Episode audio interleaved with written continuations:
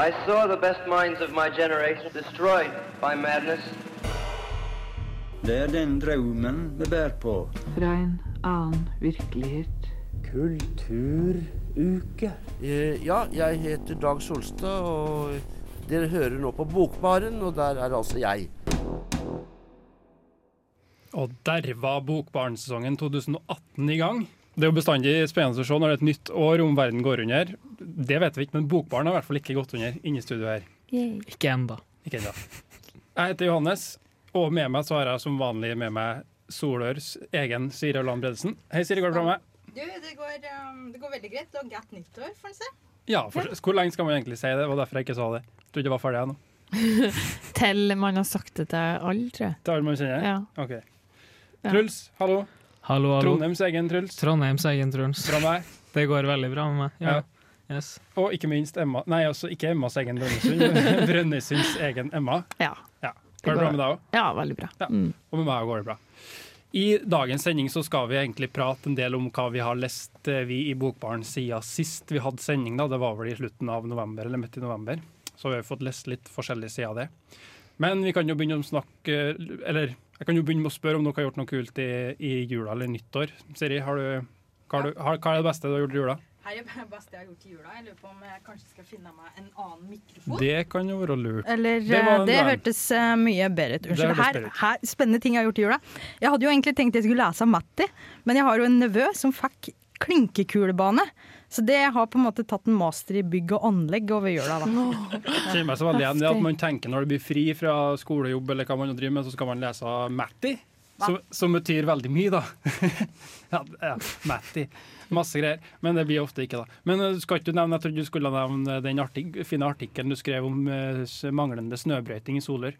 Å ja, ja, nei, jeg har jo jobba litt i lokaljournalistikken og skrevet om manglende eh, snømåking framme av søppelkasser. Så Ja. det eh, en liten oppfordring til alle våre lyttere der ute. Strø og måk framme av søppelkassene dine og postkassene, slik at det, eh, folk kommer eh, greit eh, fram og tilbake. Da. Ja, men det var en veldig fin sak òg. Takk for det, Johannes. Ja, Kult. Truls, hva med deg? Hva det, har du fått noe fint til jul, eller hva har du gjort?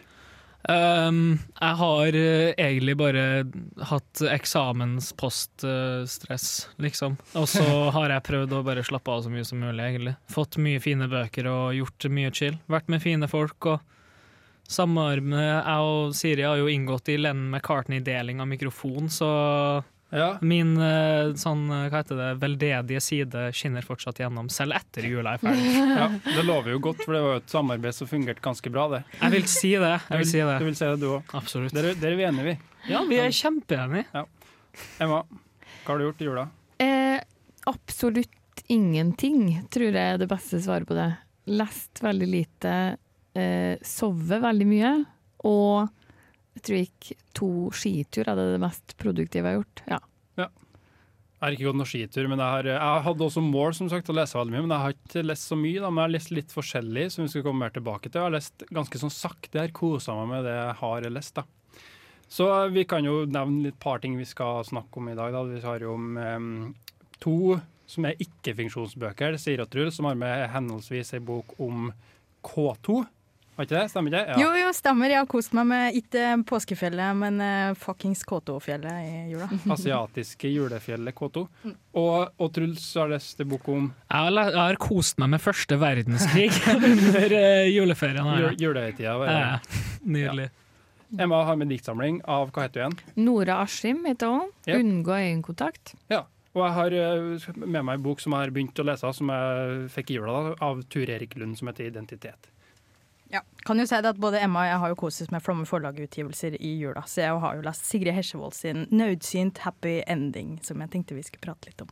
Ja, Det skal vi videre på senere, men først nå så skal vi ta ei låt. Da hører vi Insomniac Bears med 'Scenic Drives'.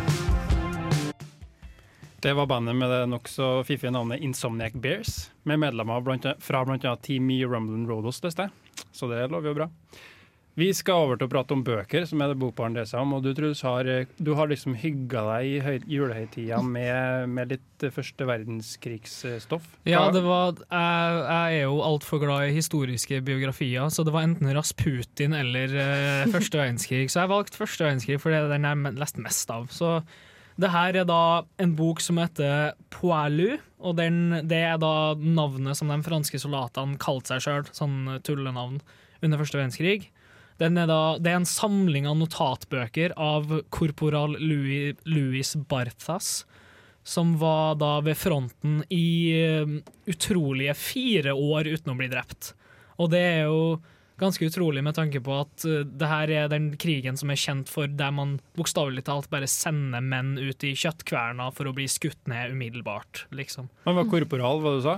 Han var korporal, ja. Men, men er det, altså, jeg er ikke så god på militærlingo, så. Altså, hvor høyt er det? Var han såpass høyt at han ikke trengte å være fram og kjempe, eller, sånn, eller var han i utsatte posisjoner? Nei, det her, er, det her er den posisjonen man havner i i første verdenskrig når uh, du er en soldat som har overlevd såpass lenge at du blir promotert naturlig til korporal, rett og slett. han ble rett og slett et- Ja, fordi han var jo menig i utgangspunktet, men så var det jo så mange folk som daua, og da måtte jo han begynne å ta styrerollen. da. Og han var jo til stede under mange av første verdenskrigs mest kjente slag, og det blant annet Verdun og Somme, som der hvor én million, tror jeg, på begge sider til sammen døde, bare i det slaget. Og um, det som er det rare, eller ikke rare, men det som er merkverdig med denne boka, her, er det at han her er en veldig Han er ikke en sånn spesiell mann. Han har ikke gjort noe spesielt under den krigen. her. Han er ikke en helt eller noen ting, men han er en veldig, veldig velartikulert, helt normal person som ble sendt til fronten, og som skriver om hvor for mangelen på et bedre ord, dritt det var, og hvilket helvete på jord det virkelig var. Ja, Ja. for jeg, dette er primært egentlig Ahas dagboknotater og, og, Ja. og beretninger ifra tida. Veldig lite redigert, eller? Nei, han, øh, han øh, Det her er da dagbøkene som han skrev mens han var ved fronten, men som han tok med seg hjem. Så etter at krigen var ferdig i 1918, så begynte han å redigere på det umiddelbart, og han hadde da et manuskript på 1700 sider til sammen. Og um, ja, det, han, er en veldig, han er en veldig smart person, og han er sosialist, og han klager ekstremt mye på dem som styrer over han og slikt, og det at det finnes menn som sitter og bare signerer på et papir at uh, nå skal menn gjøre det her, og nå skal de bare sendes til og, sin død, hovedsakelig. Og så signerer han anonymt, til og med. Så det er bare maksimal feighet, og det her er noen av de folkene som måtte lide for det, da. For inkompetansen deres. Mm, det er så vidt jeg har skjønt det er ganske sånn kjent bok om første verdenskrig. da, Men hvordan var leseropplevelsen din? da, Truls? Var det, så Likte du boka? Var det noe underholdning eller noe læring eller noe? et eller annet der? Jeg, jeg syns den Jeg syns det er en fantastisk bra um, fortelling om faktisk Jeg tror det er den beste fortellinga Eller beretninga om første verdenskrig jeg har lest fra førstepersonsvinkling. Og um, den er jo såpass bra skrevet at det var ved et tidspunkt der hvor jeg tenkte at um, å ja, men det her er mindre kanskje påvirkningsfullt enn andre bøker jeg har lest som er fiksjon. Men jeg tror det bare har rett og slett man, man kan ikke forstå det, for det er bare så mye forferdelige ting som skjer, og man klarer ikke å forstå det, rett og slett. Så det går ikke an å beskrive det på en annen måte.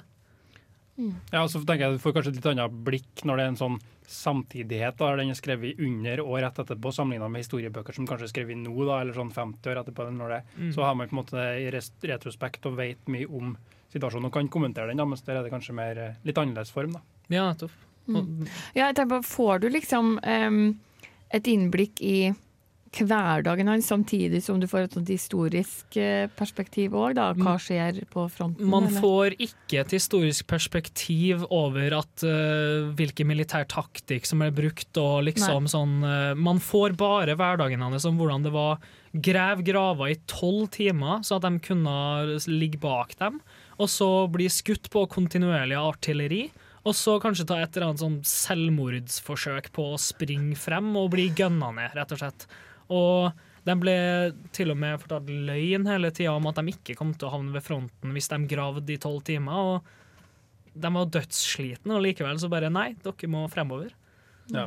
Men forfatteren her, da, skriver han eh, om de her eh, med en, eh, Skriver han om hendelser med en form for distanse, nøkternt, eller skriver han følelsesmessig engasjert, sentimentalt, at det Ekstremt uh, følelsesmessig involvert, vil jeg si, og særlig med det med ikke bare kameratskapet, men det at man Og den realismen i det at på en måte man han snakker om kamerater han hadde, som hadde veldig sånn spesifikke karakteri karakteristikker. Og så forsvinner de i boka, fordi de blir skutt i huet.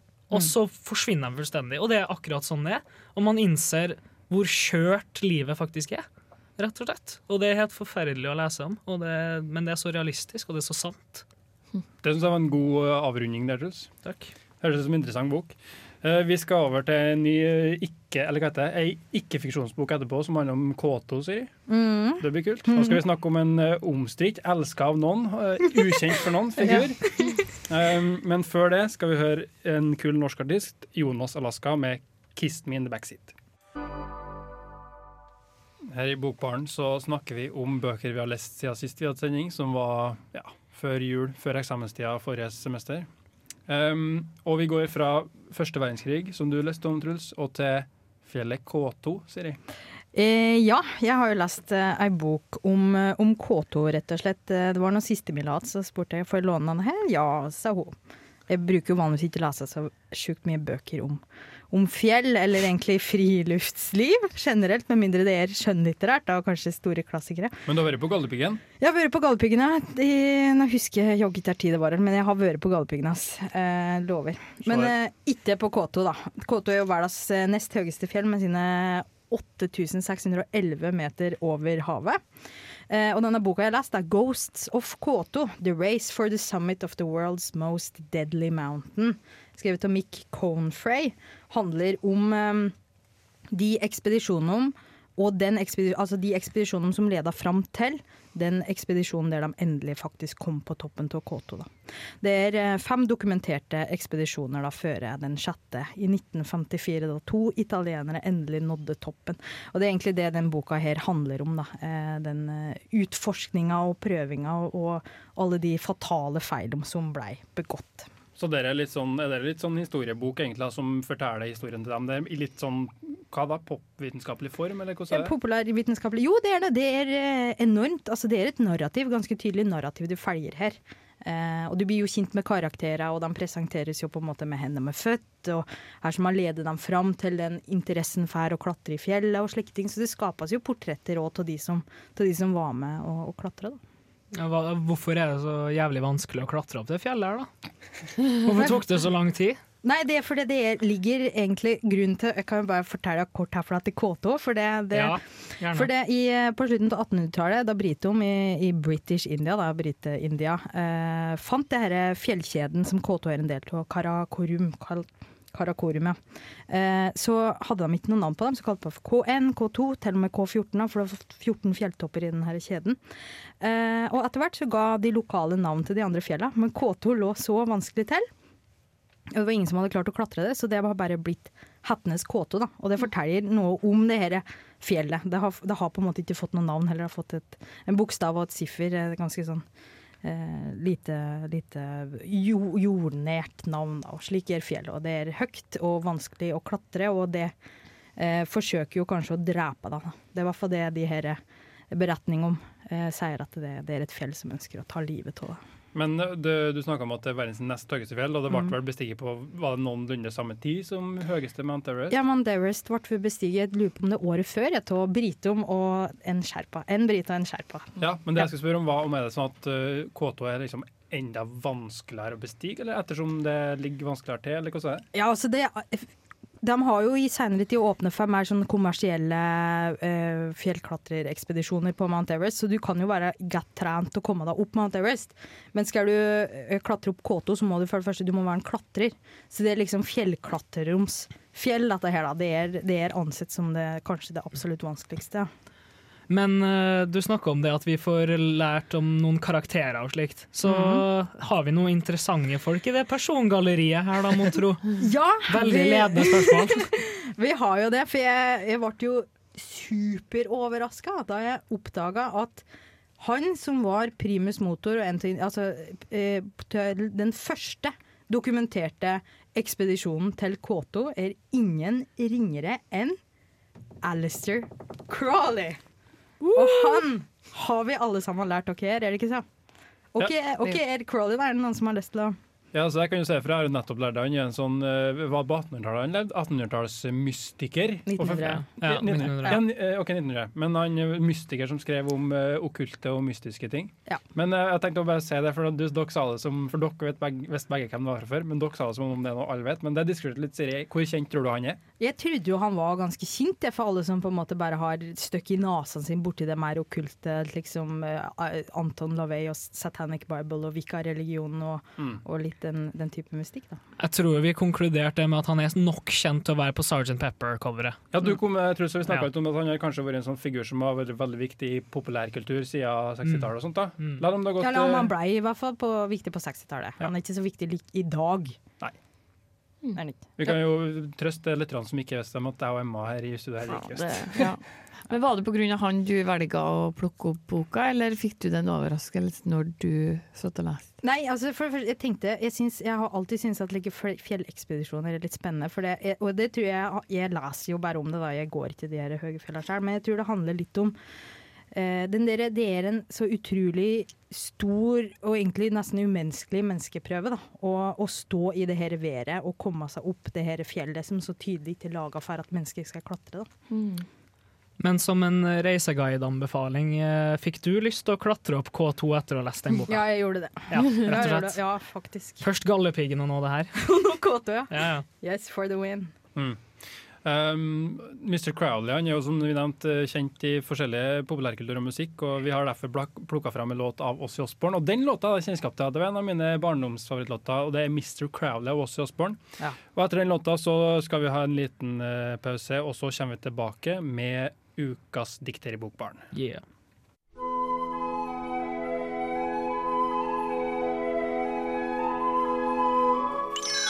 Ukas dikt.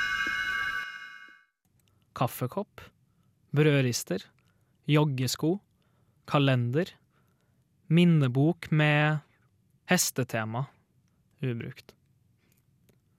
Velkommen til Hufsa, glir mellom trærne, i søken etter varme, alle hun elsker, har andre å være glad i. Velkommen til leilighet, soverom, kjøkken, stue og bad. Lyspæra har gått. Vi kan leke selskapsleker, bli bedre kjent. Velkommen til ansiktet. Huden er blek, myk. Oppstoppernese. Sprekk i underleppa. Brynene nappet. Øynene kan i beste fall fascinere. Velkommen til kroppen. 1,67 cm. BMI på 16,4. Torsoen buler ut i 30 grads vinkel. Låret er kjeglestumper. Legghåret 63 millimeter langt. Tærne krøller seg innover, som en rullegardin. Velkommen til blodårer. Tynne. Sykepleiere finner dem ikke. Fastlegen ber meg ta av skoene før jeg steller meg på vekta. Yes, det vi hørte der, var rett og slett uh, Nora Askim, innledninga til Nora Askims diktsamling uh, 'Unngå øyekontakt'. Ja, Mm. og den har jeg lest uh, på slutten av jula her. Det er Nora Askim, hun er debutant fra fjoråret, født i 1998, så det er vel den forfatteren som er født senest, som jeg har lest. Og hun debuterte med den her 'Unngå øyekontakt' nå i, nå i fjor, da. Um, som handla om et uh, ja, et, en jeg-person som eh, planlegger å begå selvmord, sånn som man leste. Um, og det, den skildrer liksom de siste dagene i livet før um, før jeg, altså mens jeg-personen planlegger å ta selvmord. Da. Ja, Er det et uh, tydelig narrativ i hele diktsamlinga? Det virka litt sånn på innledninga her at det Ja, det er det definitivt. Det, det man på en måte um, får innblikk i, er det her livet jeg-personen lever i, isolert i leiligheta si de siste dagene før. Altså det er tydelig at hun liksom tær ned til å planlegge å ta selvmord. Og du hører òg at hun uh, du får BMI-en her 16,4, var den det. Så det er jo ei som åpenbart sliter med spiseforstyrrelser, og, men òg eh, ja, planlegge et selvmord. Og så eh, er det på en måte hennes eh, virkelighetsoppfattelse egentlig de siste dagene innen ja, hun Ja. dør. da. Mm. Jeg bare kom på at Vi snakka om det så ikke før i Bokbarn, men at det utgis jo ganske mange unge folk for tida, og kanskje særlig unge damer her på følelsen av. Og tenker sånn, Når litteraturhistorien skal skrives i framtida om den perioden her, 2010-tallet, da må jo det, det, det emnet som vi snakker om her, sånn unge isolerte folk, og kanskje med spiseforstyrrelser og sånn, det må jo være det, det, det mest sentrale emnet, så vidt jeg kan skjønne. Ja, jeg tror nok definitivt hun er inne på noe flere er inne på nå for tida. Og selvmordsmotiv eh, motiv er også et ganske vanlig eh, motiv i litteraturen generelt, ikke bare i dag, men generelt så er jo inne på på en måte ganske store tema og forholdsvis eh, mye utforska tema. Da. Ja. Mm. Men når vi snakker unge debutanter, da, eh, hvordan syns du det her eh, hva, Hvordan var løseropplevelsen? Hva Syns du det her står seg bra, eller? Ja, det er en veldig, en veldig kort uh, diktsamling. Jeg leste den et par ganger faktisk på noen dager. Og um, jeg syns at den har et narrativ som er interessant å følge. Um, og for så vidt, spesielt når jeg hører det opplest av han Truls, her, så syns jeg at det, det er ganske fin rytme. Um, men språklig så savner jeg kanskje noe mer um, Jeg syns innledninga er fin, de første sidene, og så er det noen dikt innimellom som liksom stikker ut. Men jevnt over så syns jeg at det er litt eh, flatt språklig. Kanskje skiller seg ikke så veldig fra mye annet, da. Du, du nevnte det med at eh, det kanskje er noe, noe rytme i det, men her ser jeg formen på dikta ellers. Er det streng form, eller er det veldig løst? eller?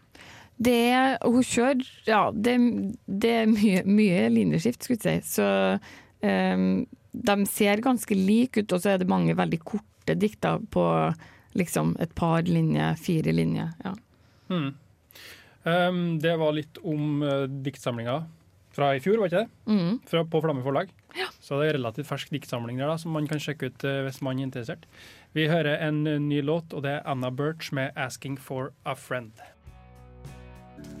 Ja, her i Bokbaren så beskjeftiger vi oss jo med så mye forskjellig. Vi har jo hatt første verdenskrig, vi har hatt høye fjell, selvmord, og nå jordepos. Ja, du kan kanskje si det sånn. Uh, I hvert fall skal vi til Ture Erik Lunds bok 'Identitet' fra i fjor, tror jeg den kom også 2017, altså den er veldig fersk. da. Det var en bok som jeg egentlig hadde litt eh, lyst til å lese, for jeg har hørt eh, mye bra om Ture Erik Lund. Han, jeg har ikke lest noe av han før, men han er jo en ganske kritikerrost forfatter. da. Fått Sultprisen, Aschehougprisen, Kritikerprisen. Og, og ja, jeg holder for å være en slags eh, ganske særegen forfatter i, norsk, i den norske litteraturfaunaen, tror jeg. da. Det har jeg fått inntrykk av. Han har liksom veldig rare titler på bøkene sine ofte. Han har annet gitt ut romaner som heter 'Grøftetildragelsesmysteriet', 'Uranofilia' og 'Strålboks'. Så den her har egentlig en mer sånn streit tittel, den her da, 'Identitet'. Men boka, da, som du sa, Truls, handler et slags jordepos, ja, det kan man kanskje kalle det. det er en, I hvert fall handler det om en fyr som er gård... Eller en forhenværende forfatter, da, først og fremst. Men han driver nå da som gårdbruker og alt mulig mann. Snekker, hva det står bak bo bo boka her da. Håndverker, jorddeponi, vedhugger, tukler med kølbrenning. Altså litt forskjellig, da. Men det som er på en måte det egentlige prosjektet hans, det er å gå ut i bryggeristua, vekk fra kona som er inne i liksom, eh, hovedhuset deres, der han skriver på det han kaller for tekstmassen sin, som er egentlig kan vel ikke kalle det en bok, for det er poenget med den, ifølge jeg-forlæreren, som er en, eh, altså den forhenværende forfatteren Hallandsås, vi får bare høre etternavnet hans, det er at de, tekstmassen hans ikke skal utgives. Og han begynner da, jeg tenkte å lese opp litt starten av boka, og begynner med å si det at i hele mitt voksne liv har jeg vært fanget i en fortelling som jeg måttet finne opp sjøl. Men siden jeg ikke har forstått dette for nå, må jeg nok innse at livet mitt fram til dette øyeblikk har blitt en fortelling som ennå ikke har fått noen form. Andre har derimot sett meg som et fritt menneske, en som har laget en egenartet og trassig form av livsløpet sitt. Og han der Hallandsåsen, ja han ja, han gjør hva han vil, han, har de sagt. Han er så egenrådig og sær at han er jo en hallandsåsing. De har jo støtt gitt blanke i alt. Så videre da, så forteller han om, slags, om den litteraturkarrieren han har hatt. da. Han har jo gitt ut bøker, den her jeg-personen som jeg mistenker har noen likheter med altså forfatteren fra Ture Erik Lund. eh, driver om litt med sånn gårdbrukerting og sånn på sida. da. Men han eh, forteller i hvert fall om det, da, eh, eh, litteraturkarrieren. Men så sier han at nå har han slutta med det. Nå skal han ikke være en nyttig litteraturfyr som driver med eh, refleksjon og oppbyggelige ting. Han skal bare sitte der og, og, å pusle med det, det gnuråtte og maniske prosjektet sitt, som er, som er ja, hva skal man si, bare til for han sjøl, da. Ja. Eh, men de jo, den har jo en ganske streit eh, tittel sammenligna med mye av de Are-bøkene til Lund, men allikevel så er det jo en jævlig, unnskyld, sjukt vanskelig tittel. Og identitet, kan du si noe om identitetsproblematikken i boka? Mm. Eller kommentere tittelen, da, i hvert fall. Ikke, ikke det. Ja, nei, det kan jeg vanskelig se nå, men så, jeg kan jo kommentere det. Nei, altså Det handler jo om det her eh, som det står på baksideteksten. her. da, så han, han på en måte putter jo hele seg sjøl. Pro problemet hans er med å gi ut ordentlig litteratur. da, At han føler at uh, som han har gjort før, han føler at det er på en måte Der kan han ikke gjøre det han vil i litteraturen, i tekstmassen, som han kaller det. For da blir det bare monomant og manisk, og ingen vil forstå noe av det. Um, så han begynner da på det her prosjektet sitt, og så etter hvert, som det står på baksida av boka her, så sniker det seg i en følelse av at det er noen som endrer og retter på setningene og teksten hans. Så at identitetsspørsmålet er vel da, sånn som jeg leste da, at det handler om når han skriver, da, og, og bare det er en slags tekstmasse som bare skal fortsette og fortsette, som han går inn og endrer på. Eh, hvor ligger på en måte identiteten hans, og når vil han finne det? da? Fins det noe særlig intriger i boka utenom bare hans problemer med hvordan han ser på seg selv som kunstner og den tekstmassen hans, eller er det noe utenom Jo, ytre årsaker som uh, trigger han også? Ja, du, kan jo, du får jo litt sånn kontekst og så noen historier fra livet hans. og litt sånn, uh, ja, hva skal man si, Kanskje ikke som intriger, da, men han forteller om problemer i livet sitt med uh, masete folk og kona og familien og alt mulig mas. da. Men det er mye, det er mye sånn monomant i boka. det er det. Så du forteller om den nå, så tenker jeg at den, er litt, eh, at den har litt humor. Stemmer det, eller? Ja, det er jeg helt enig i. Eller ja. Den har det. Ja. Det er veldig mye sånn der, øh, det er ganske svart humor, da. ja. Ganske dystert, men øh, jeg liker det veldig godt. Og det er underholdende, eller? Nei, både òg. Det er ganske litt tung og traurig tekstmasse som det forfatteren, eller som fortelleren nå ser. da. Så det var litt om identitetboka til Ture Erik Lund. Den er veldig spennende. Anbefales å sjekke ut, i hvert fall. Eh, vi skal snakke om uh, Siris bok 'Naudsynt happy ending'. Ja, den er ikke min, da. Nei, det er ikke din, da, men du har den med deg hit. Ja. Eh, etterpå eh, forfatteren Siri Land Nei da. Eh, men før det så skal vi høre Whitney med låta 'Southern Nights'. Ja, hallo, ja, du. Trondheims eh, vakre fjell og Nidelv ja, Det er Tore Renberg her. Dette er studentradioen i Trondheim, og du er jævlig heldig som hører på den. Det var fantastiske Tore Renberg, og før det fantastiske bandet Whitney. Jeg takler ikke trynet til Tore Renberg. Det var bra du sa. Eh, ja. Nå skal vi over til ei bok som Siri ikke har skrevet, men som du har tatt med deg. Og hvem er det som har skrevet boka, da? Du, det er eh, Sigrid Hesjevold. Eh, jeg antar det uttales slik. eh, H-E-S-J-E Hesjevold. Ja, det må høre det. Ja. Nei, hun, er, eh, hun debuterte i fjor hun òg med, med sin første bok, da. Eh, Nødsynt happy ending. Og, og for de der ute som ikke tar nødsynt med en gang, så betyr jo det egentlig nødvendig lykkelig slutt, da. Uh, Hesjevold har, uh, hun er norsk lyriker, ja, forfatter, språkvasker og oversetter, faktisk. Uh, Og ga i 2016 og ut på, på Flamme forlag, da, fra hans forlag, manual for bedre dager. Men nå har hun altså gitt ut da sin første i 2017, sin første bok, 'Nødsynt happy ending'. Og jeg sier konsekvent bok, for det er en ganske sånn eksperimentell form. Det er egentlig en kortprosasamling som kretser om Anna, som bor i ei blokk i Oslo, som har mistet hele familien sin. De er dette. Eh, Så hun bor nå alene i 83B. eh, Har, fått seg, har noen bekjentskaper. Eh, Gjertrud på 80 år er hennes beste venninne. Og så bor hun òg i nærheten av en som heter Jons. Han bor i det her blokka. Eh, Som er veldig glad i blomkålsuppe og elsker da Anna. Men hun gjengjelder ikke de følelsene, for hun er forelska i en hun begynner å kalle for pingpong-Halvor. Eh, og det er litt artig. Um, så vi, vi følger altså Annas historie og de her bekjentskapene. Men Anna har mista seg sjæl, så hun er oppsatt på å finne seg sjæl, så hun reiser ut i verden. Eh, så nødsynt happy ending kan på mange måter være å si, altså, sies å være en, en kortprosasamling med små portretter av folk hun møter rundt omkring i verden. Veldig sånn, eh, nesten sånn aforistisk skrevet. Altså det er små strøtanker her og der om på en måte livet og, og leven, da. Men hva er det som er nødvendig eller nødvendig av happy endinga? Det at, eh, ja, når skjer det? Det skjer på slutten. Det skjer på slutten, Ja, ja, tittelen røper sin egen Oi, slutt. oi, Det er en, altså nødvendigvis en lykkelig slutt, da, slik enhver dannelsesroman i stor grad tar form. da. Du reiser ut, får deg matt i nye erfaringer, og vender da tilbake med ny rikdom og nye erfaringer og en lykkelig slutt, da. Men det her høres ut som, iallfall for meg, ut som et ganske oppbrukt eh, sånn tema å finne seg sjøl ved å dra og reise. Så hvor ligger styrken, tenker du, i verket Ja, her? ja. Om det fins en? Du, det fins en, absolutt. Eh, styrken ligger i at hun bare Hun møter alle de her folka som er veldig rare. Altså, det er ikke noe den inderligheten og den sentimentaliteten du på en måte finner i noen av de her korte prosastykkene, den må du nødvendigvis ha, for hun har mistet formelen sin. Men hun er òg veldig åpen og raus og ydmyk mot verden, og treffer på utrolig mange spennende folk, og som får ta liksom del i det her narrativet. da. Ja. Så det er veldig artig. Mye absurd humor. ja.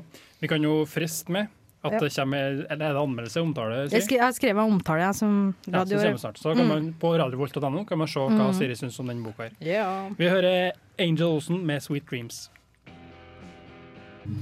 I Bokbaren i dag så har vi og prata om hva vi har lest siden sist. Og det har vært en eh, hva skal vi si, forskjelligartet eh, affære med første verdenskrig, K2, diktsamling, eh, tema og identitetsboka til Turid Lund.